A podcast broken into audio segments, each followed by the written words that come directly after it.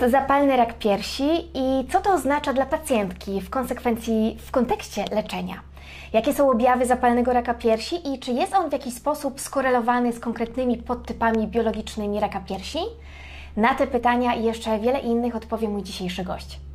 Zapraszam Was serdecznie na mój nowy odcinek.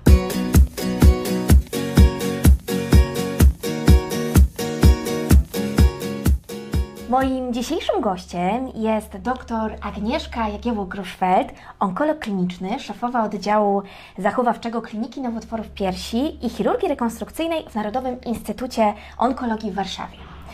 Pani doktor koncentruje się na leczeniu chorych z rakiem piersi i zaangażowana jest w programy edukacyjne. Między innymi jest konsultantem merytorycznym akcji Wylecz raka HER2 dodatniego. E, Pani doktor, serdecznie gratuluję przede wszystkim nowo otrzymanej nagrody SHIO Awards 2021 w kategorii e, e, autorytet medyczny, przepraszam. Stoi tam. Tak, właśnie, właśnie, może nawet pokażemy. E, to jest oto ta statuetka, przepiękna, bardzo gratulujemy. I tym bardziej dziękuję, że znalazła Pani czas, żeby porozmawiać z nami i wyjaśnić e, wiele istotnych rzeczy związanych właśnie z rakiem zapalnym piersi. E, pani doktor, zacznijmy może od początku. Czym tak naprawdę jest zapalny rak piersi i jak ta zapalna postać raka piersi różni się od tej postaci niezapalnej? No właśnie, to jest w ogóle, ten zapalny rak piersi to jest taki fenomen, powiedziałabym. Coś bardzo dziwnego, co się w sumie rzadko zdarza. Natomiast te pacjentki, które chorują na zapalnego raka piersi, wymagają zupełnie innego traktowania. E, najczęściej te zapalne raki piersi to są raki o wysokim stopniu w ogóle złośliwości. Czyli zwykle dotyczą pacjentek, u których stwierdza się te bardziej złośliwe podtypy biologiczne, czyli rak właśnie HER2 dodatni mhm. albo rak trójnegatywny. Ale nie jest to regułą. Bywa tak, że również pacjentki chorujące na luminalne raki piersi, czyli te hormonozależne raki piersi, które zasadniczo są mniej agresywne, też może przybrać ten rak postać raka zapalnego. Kiedy my w ogóle rozpoznajemy raka zapalnego? Wtedy, kiedy nie ma takich typowych objawów raka piersi, czyli jakiegoś guza w piersi, no, no nie, nie, wyczuwa się tego guza w piersi, natomiast jest e, ta pierś w całości no, zmieniona zapalnie. Mhm. Wygląda tak, jakby tam się faktycznie toczył proces zapalny, a to nie jest proces zapalny, to jest po prostu no, ten nowotwór tak się dziwnie rozwija, że on nie tworzy jakiegoś jednego guza w piersi, tylko rozwija się w taki sposób rozproszony w całej piersi, e, naciekając e, tą pierś no, bez tworzenia guza, tylko naciekając ją głównie poprzez wypełnianie naczyń chłonnych. Generalnie widzimy u takiej pacjentki, że ona ma zazwyczaj powiększoną pierś, mhm. Taką jakby obrzękniętą, z takim charakterystycznym objawem skórki pomarańczowej, mhm. tak zwanej. Czyli ta pierś wygląda tak jak skórka pomarańczy. Ma taki charakterystyczny, tak. że tak powiem, obraz. Zazwyczaj jest bardziej ucieplona, mhm. bardziej lub mniej zaczerwieniona Mm, no i generalnie rzecz biorąc, tak to wygląda, tak? Mhm. Oprócz tego oczywiście często e, dochodzi do powiększenia węzłów chłonnych w pasze, e, bo ten, e, ten rak piersi przez to, ten zapalny rak piersi przez to, że właśnie głównie on, te komórki nowotworowe siedzą sobie w tych naczyniach chłonnych, to bardzo często mamy wtedy dosyć szybko przerzuty do węzłów chłonnych. Mhm.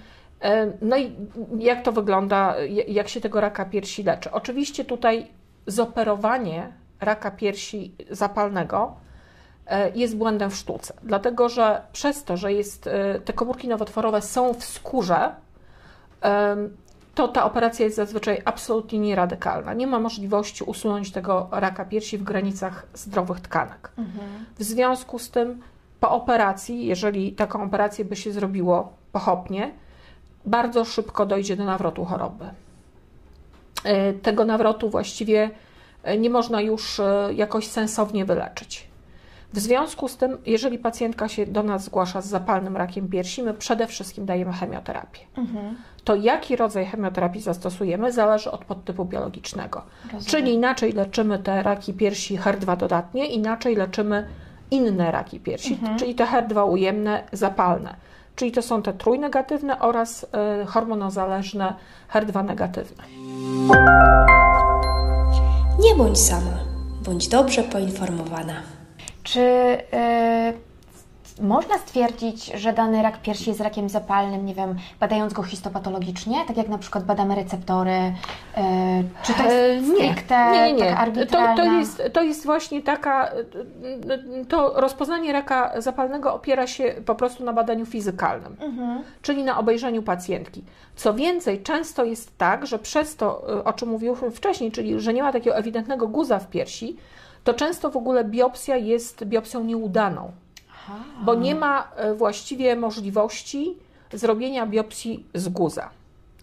Czasem oczywiście udaje się faktycznie, na przykład pod kontrolą USG czy pod kontrolą mammografii, znaleźć tam jakiś e, większy naciek nowotworowy w tej piersi, ale czasem rozpoznanie w ogóle stawia się na podstawie wycinka skóry. A, rozumiem. I czasem są takie sytuacje, że do nas trafia pacjentka, która na przykład kilka razy miała gdzieś tam robione biopsje, ktoś tam powiedział, nie, to nie ma raka, w ogóle tam nie ma guza, to w ogóle tu.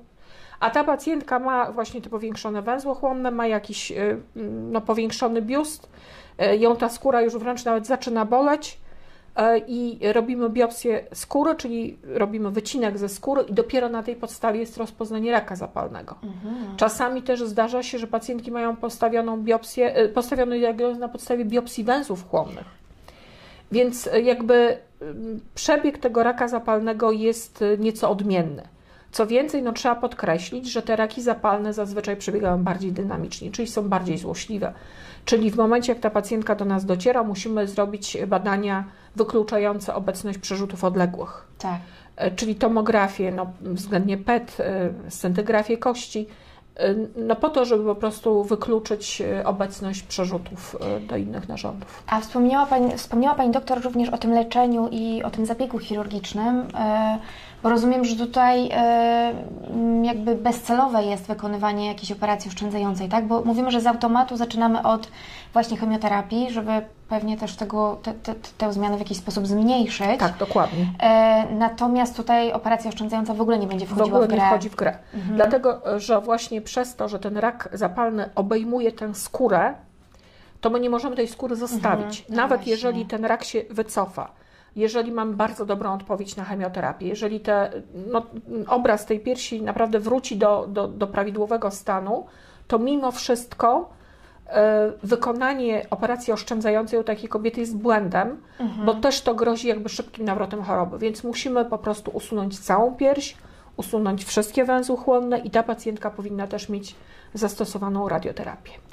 A co w przypadku właśnie e, mastektomii z jednoczasową rekonstrukcją? Czy to też jest jakaś opcja E, wtedy, w takiej To sytuacji? powiedzmy sobie, mogłaby być jakaś opcja, ale też nie jest to e, Mhm, coś, co my wskazane. polecamy w, raku, w typowym raku zapalnym.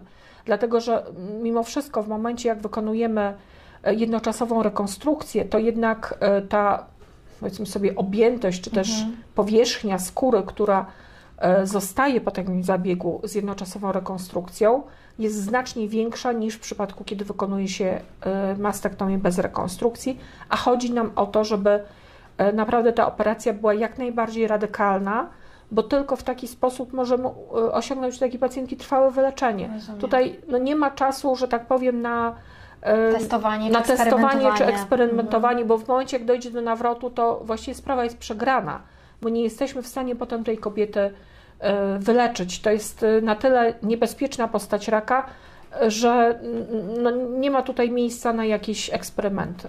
Czy pacjentki, które chorują właśnie na tą zapalną postać raka piersi, e, czy to jest jakaś charakterystyczna grupa pacjentek? Nie wiem, one są młodsze? Zazwyczaj to są młodsze kobiety, ale no, nie jest tak, że absolutnie na raka zapalnego nie może e, zachorować kobieta Mhm. e, powiedzmy po 60 roku życia.